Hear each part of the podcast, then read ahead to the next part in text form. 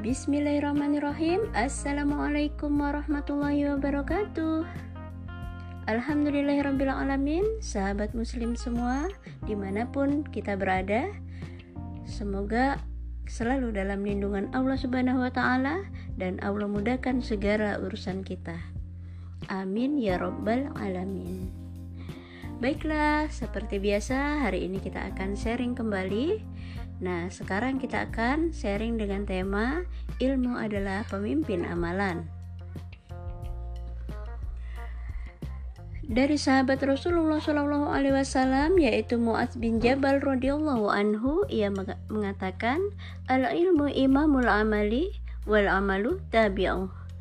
Ilmu adalah pemimpin amal dan amalan itu berada di belakang setelah adanya ilmu. Bukti bahwa ilmu lebih didahulukan daripada amalan ialah ulama hadis terkemuka yakni Imam Al-Bukhari berkata al-ilmu qabla al-qawli wal amali ilmu sebelum berkata dan berbuat. Perkataan ini merupakan kesimpulan yang beliau ambil dari firman Allah Subhanahu wa taala a'udzu billahi minasyaitonir rajim Bismillahirrahmanirrahim. Fa'lam annahu la ilaha illallah wastaghfir li dhambik maka ilmuilah atau ketahuilah bahwasanya tiada sesembahan yang berhak disembah selain Allah dan mohonlah ampun bagi dosamu. Terjemah Quran Surah Muhammad ayat 19 di dalam ayat ini Allah Subhanahu wa taala memulai dengan ilmuilah lalu mengatakan mohon ampun. Ilmuilah yang dimaksud adalah perintah untuk berilmu terlebih dahulu, sedangkan mohonlah ampun adalah amalan. Ini pertanda bahwa ilmu hendaklah lebih dahulu sebelum amal perbuatan. Sufyan bin Uyainah rahimahullah berdalil dengan ayat ini untuk menunjukkan keutamaan ilmu. Hal ini sebagaimana dikeluarkan oleh Abu Nuaim dalam Al-Hilyah ketika menjelaskan biografi Sufyan dari jalur Ar-Rabi bin Nafi darinya bahwa Sufyan membaca ayat ini lalu mengatakan tidaklah Tidakkah engkau mendengar bahwa Allah Subhanahu wa taala memulai ayat ini dengan mengatakan ilmuilah. Kemudian Allah memerintahkan untuk beramal. Dari Fathul Bari Ibnu Hajar. Al-Muhallab rahimahullah mengatakan, amalan yang bermanfaat adalah amalan yang terlebih dahulu didahului dengan ilmu. Amalan yang di dalamnya tidak terdapat niat, ingin berharap-harap ganjaran, dan merasa telah berbuat ikhlas, maka ini bukanlah amalan karena tidak didahului dengan ilmu. Sesungguhnya yang dilakukan hanyalah seperti amalannya orang gila yang pena diangkat darinya. Ibnu Munir rahimahullah juga berkata, yang dimaksud oleh Imam Al-Bukhari bahwa ilmu adalah syarat benarnya suatu perkataan dan perbuatan.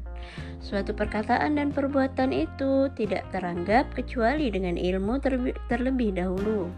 Oleh sebab itulah, ilmu didahulukan dari ucapan dan perbuatan, karena ilmu itu pelurus niat. Niat nantinya yang akan memperbaiki amalan. Keutamaan luar biasa ilmu syar'i. Setelah kita mengetahui hal di atas, hendaklah setiap orang lebih memutus memusatkan perhatiannya untuk berilmu terlebih dahulu daripada beramal. Semoga dengan mengetahui faedah atau keutamaan ilmu syar'i berikut akan membuat kita lebih termotivasi dalam mendahulukan ilmu dibanding amalan. Yang pertama, orang Allah akan meninggikan derajat orang yang berilmu di akhirat dan di dunia. Di akhirat, Allah Subhanahu wa Ta'ala akan meninggikan derajat orang-orang yang berilmu beberapa derajat berbanding lurus dengan amal dan dakwah yang mereka lakukan. Sedangkan di dunia, Allah Subhanahu wa Ta'ala akan meninggikan orang yang berilmu dari hamba-hamba yang lain sesuai dengan ilmu dan amalan yang dia lakukan.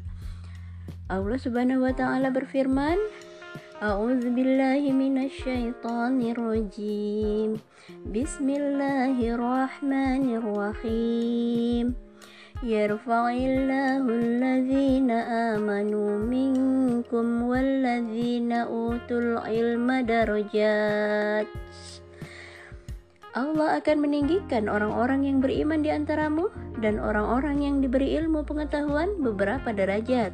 Terjemah Quran Surah Al-Mujadalah ayat 11 Yang kedua, seorang yang berilmu adalah cahaya yang banyak dimanfaatkan manusia untuk urusan agama dan dunia mereka. Dalilnya satu hadis yang sangat terkenal bagi kita, kisah seorang laki-laki dari Bani Israel yang membunuh 99 nyawa. Kemudian dia ingin bertaubat dan dia bertanya, siapakah di antara penduduk bumi yang paling berilmu? Maka ditunjukkan kepadanya seorang ahli ibadah. Kemudian dia berkata kepada si ahli ibadah, apakah ada taubat untuknya? Ahli ibadah menganggap bahwa dosanya sudah sangat besar, sehingga dia mengatakan bahwa tidak ada pintu taubat bagi si pembunuh 99 nyawa. Maka dibunuhlah ahli ibadah sehingga genap 100 orang yang telah dibunuh oleh laki-laki dari Bani Israel tersebut.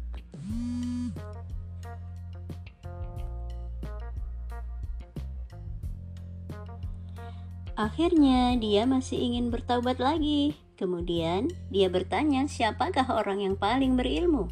Lalu ditunjukkan kepadanya seorang ulama. Dia bertanya kepada ulama tersebut, "Apakah masih ada pintu taubat untukku?"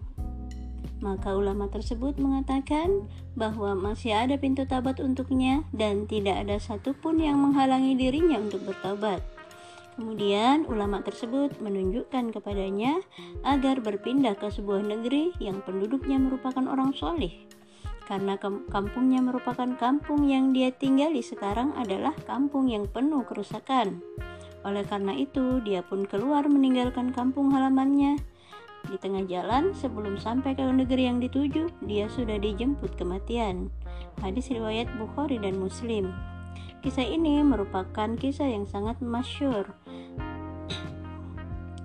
Lihatlah perbedaan ahli ibadah dan ahli ilmu dari kisah ini. Kemudian yang ketiga, ilmu adalah warisan para nabi. Nabi Shallallahu Alaihi Wasallam bersabda, Innal anbiya'a lam yuwarrithu dinaron wala dirhaman innama warrasul ilma faman akhadha bihi akhadha bihadzin wafirin Sesungguhnya para nabi tidak mewariskan dinar dan dirham. Mereka hanyalah mewariskan ilmu. Barang siapa yang mengambilnya, maka dia telah memperoleh keberuntungan yang banyak. Hadis riwayat Imam Abu Dawud dan Imam At-Tirmizi.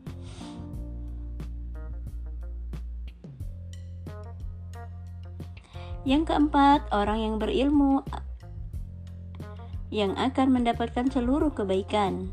Rasulullah Shallallahu Alaihi Wasallam bersabda, "Mayuridillahu bihi khairan yufaqihu fid dini."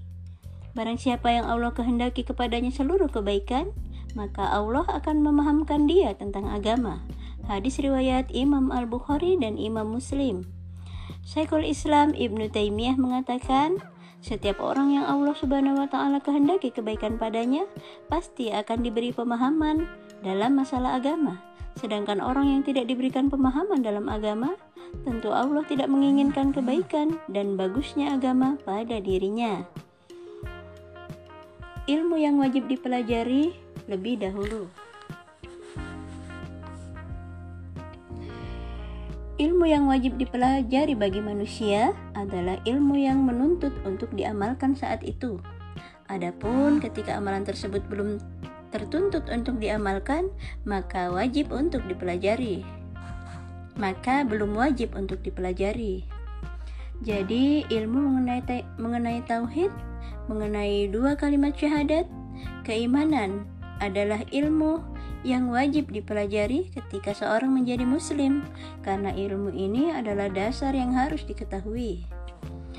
Kemudian ilmu mengenai sholat hal-hal yang berkaitan dengan sholat seperti bersuci dan lainnya merupakan ilmu berikutnya yang harus dipelajari. Kemudian ilmu tentang hal-hal yang halal dan haram, ilmu tentang muamalah dan seterusnya. Contohnya, seseorang yang saat ini belum mampu berhaji, maka ilmu tentang haji belum wajib untuk ia pelajari saat ini. Akan tetapi, ketika ia telah mampu berhaji, ia wajib mengetahui ilmu tentang haji dan segala sesuatu yang berkaitan dengan haji. Adapun ilmu tentang tauhid, tentang keimanan adalah hal pertama yang harus dipelajari karena setiap amalan yang ia lakukan tentunya berkaitan dengan niat. Kalau niatnya dalam melakukan ibadah karena Allah, maka itulah amalan yang benar. Adapun kalau niatnya kepada selain Allah, maka itu adalah amalan yang syirik. Ini semua jika dilatar belakangi dengan akidah dan tauhid yang benar. Oleh karena itu, marilah sahabat muslim semua kita awali setiap keyakinan dan amalan dengan ilmu agar niat kita lurus dan tidak terjerumus dalam ibadah yang tidak ada tuntunannya. Ingatlah bahwa suatu amalan yang dibangun tanpa dasar ilmu akan mendatangkan kerusakan dan bukan kebaikan. Demikian tadi sharing kita hari ini. Semoga bermanfaat untuk sahabat muslim semua. Mohon maaf atas segala kekurangan. Wassalamualaikum warahmatullahi wabarakatuh.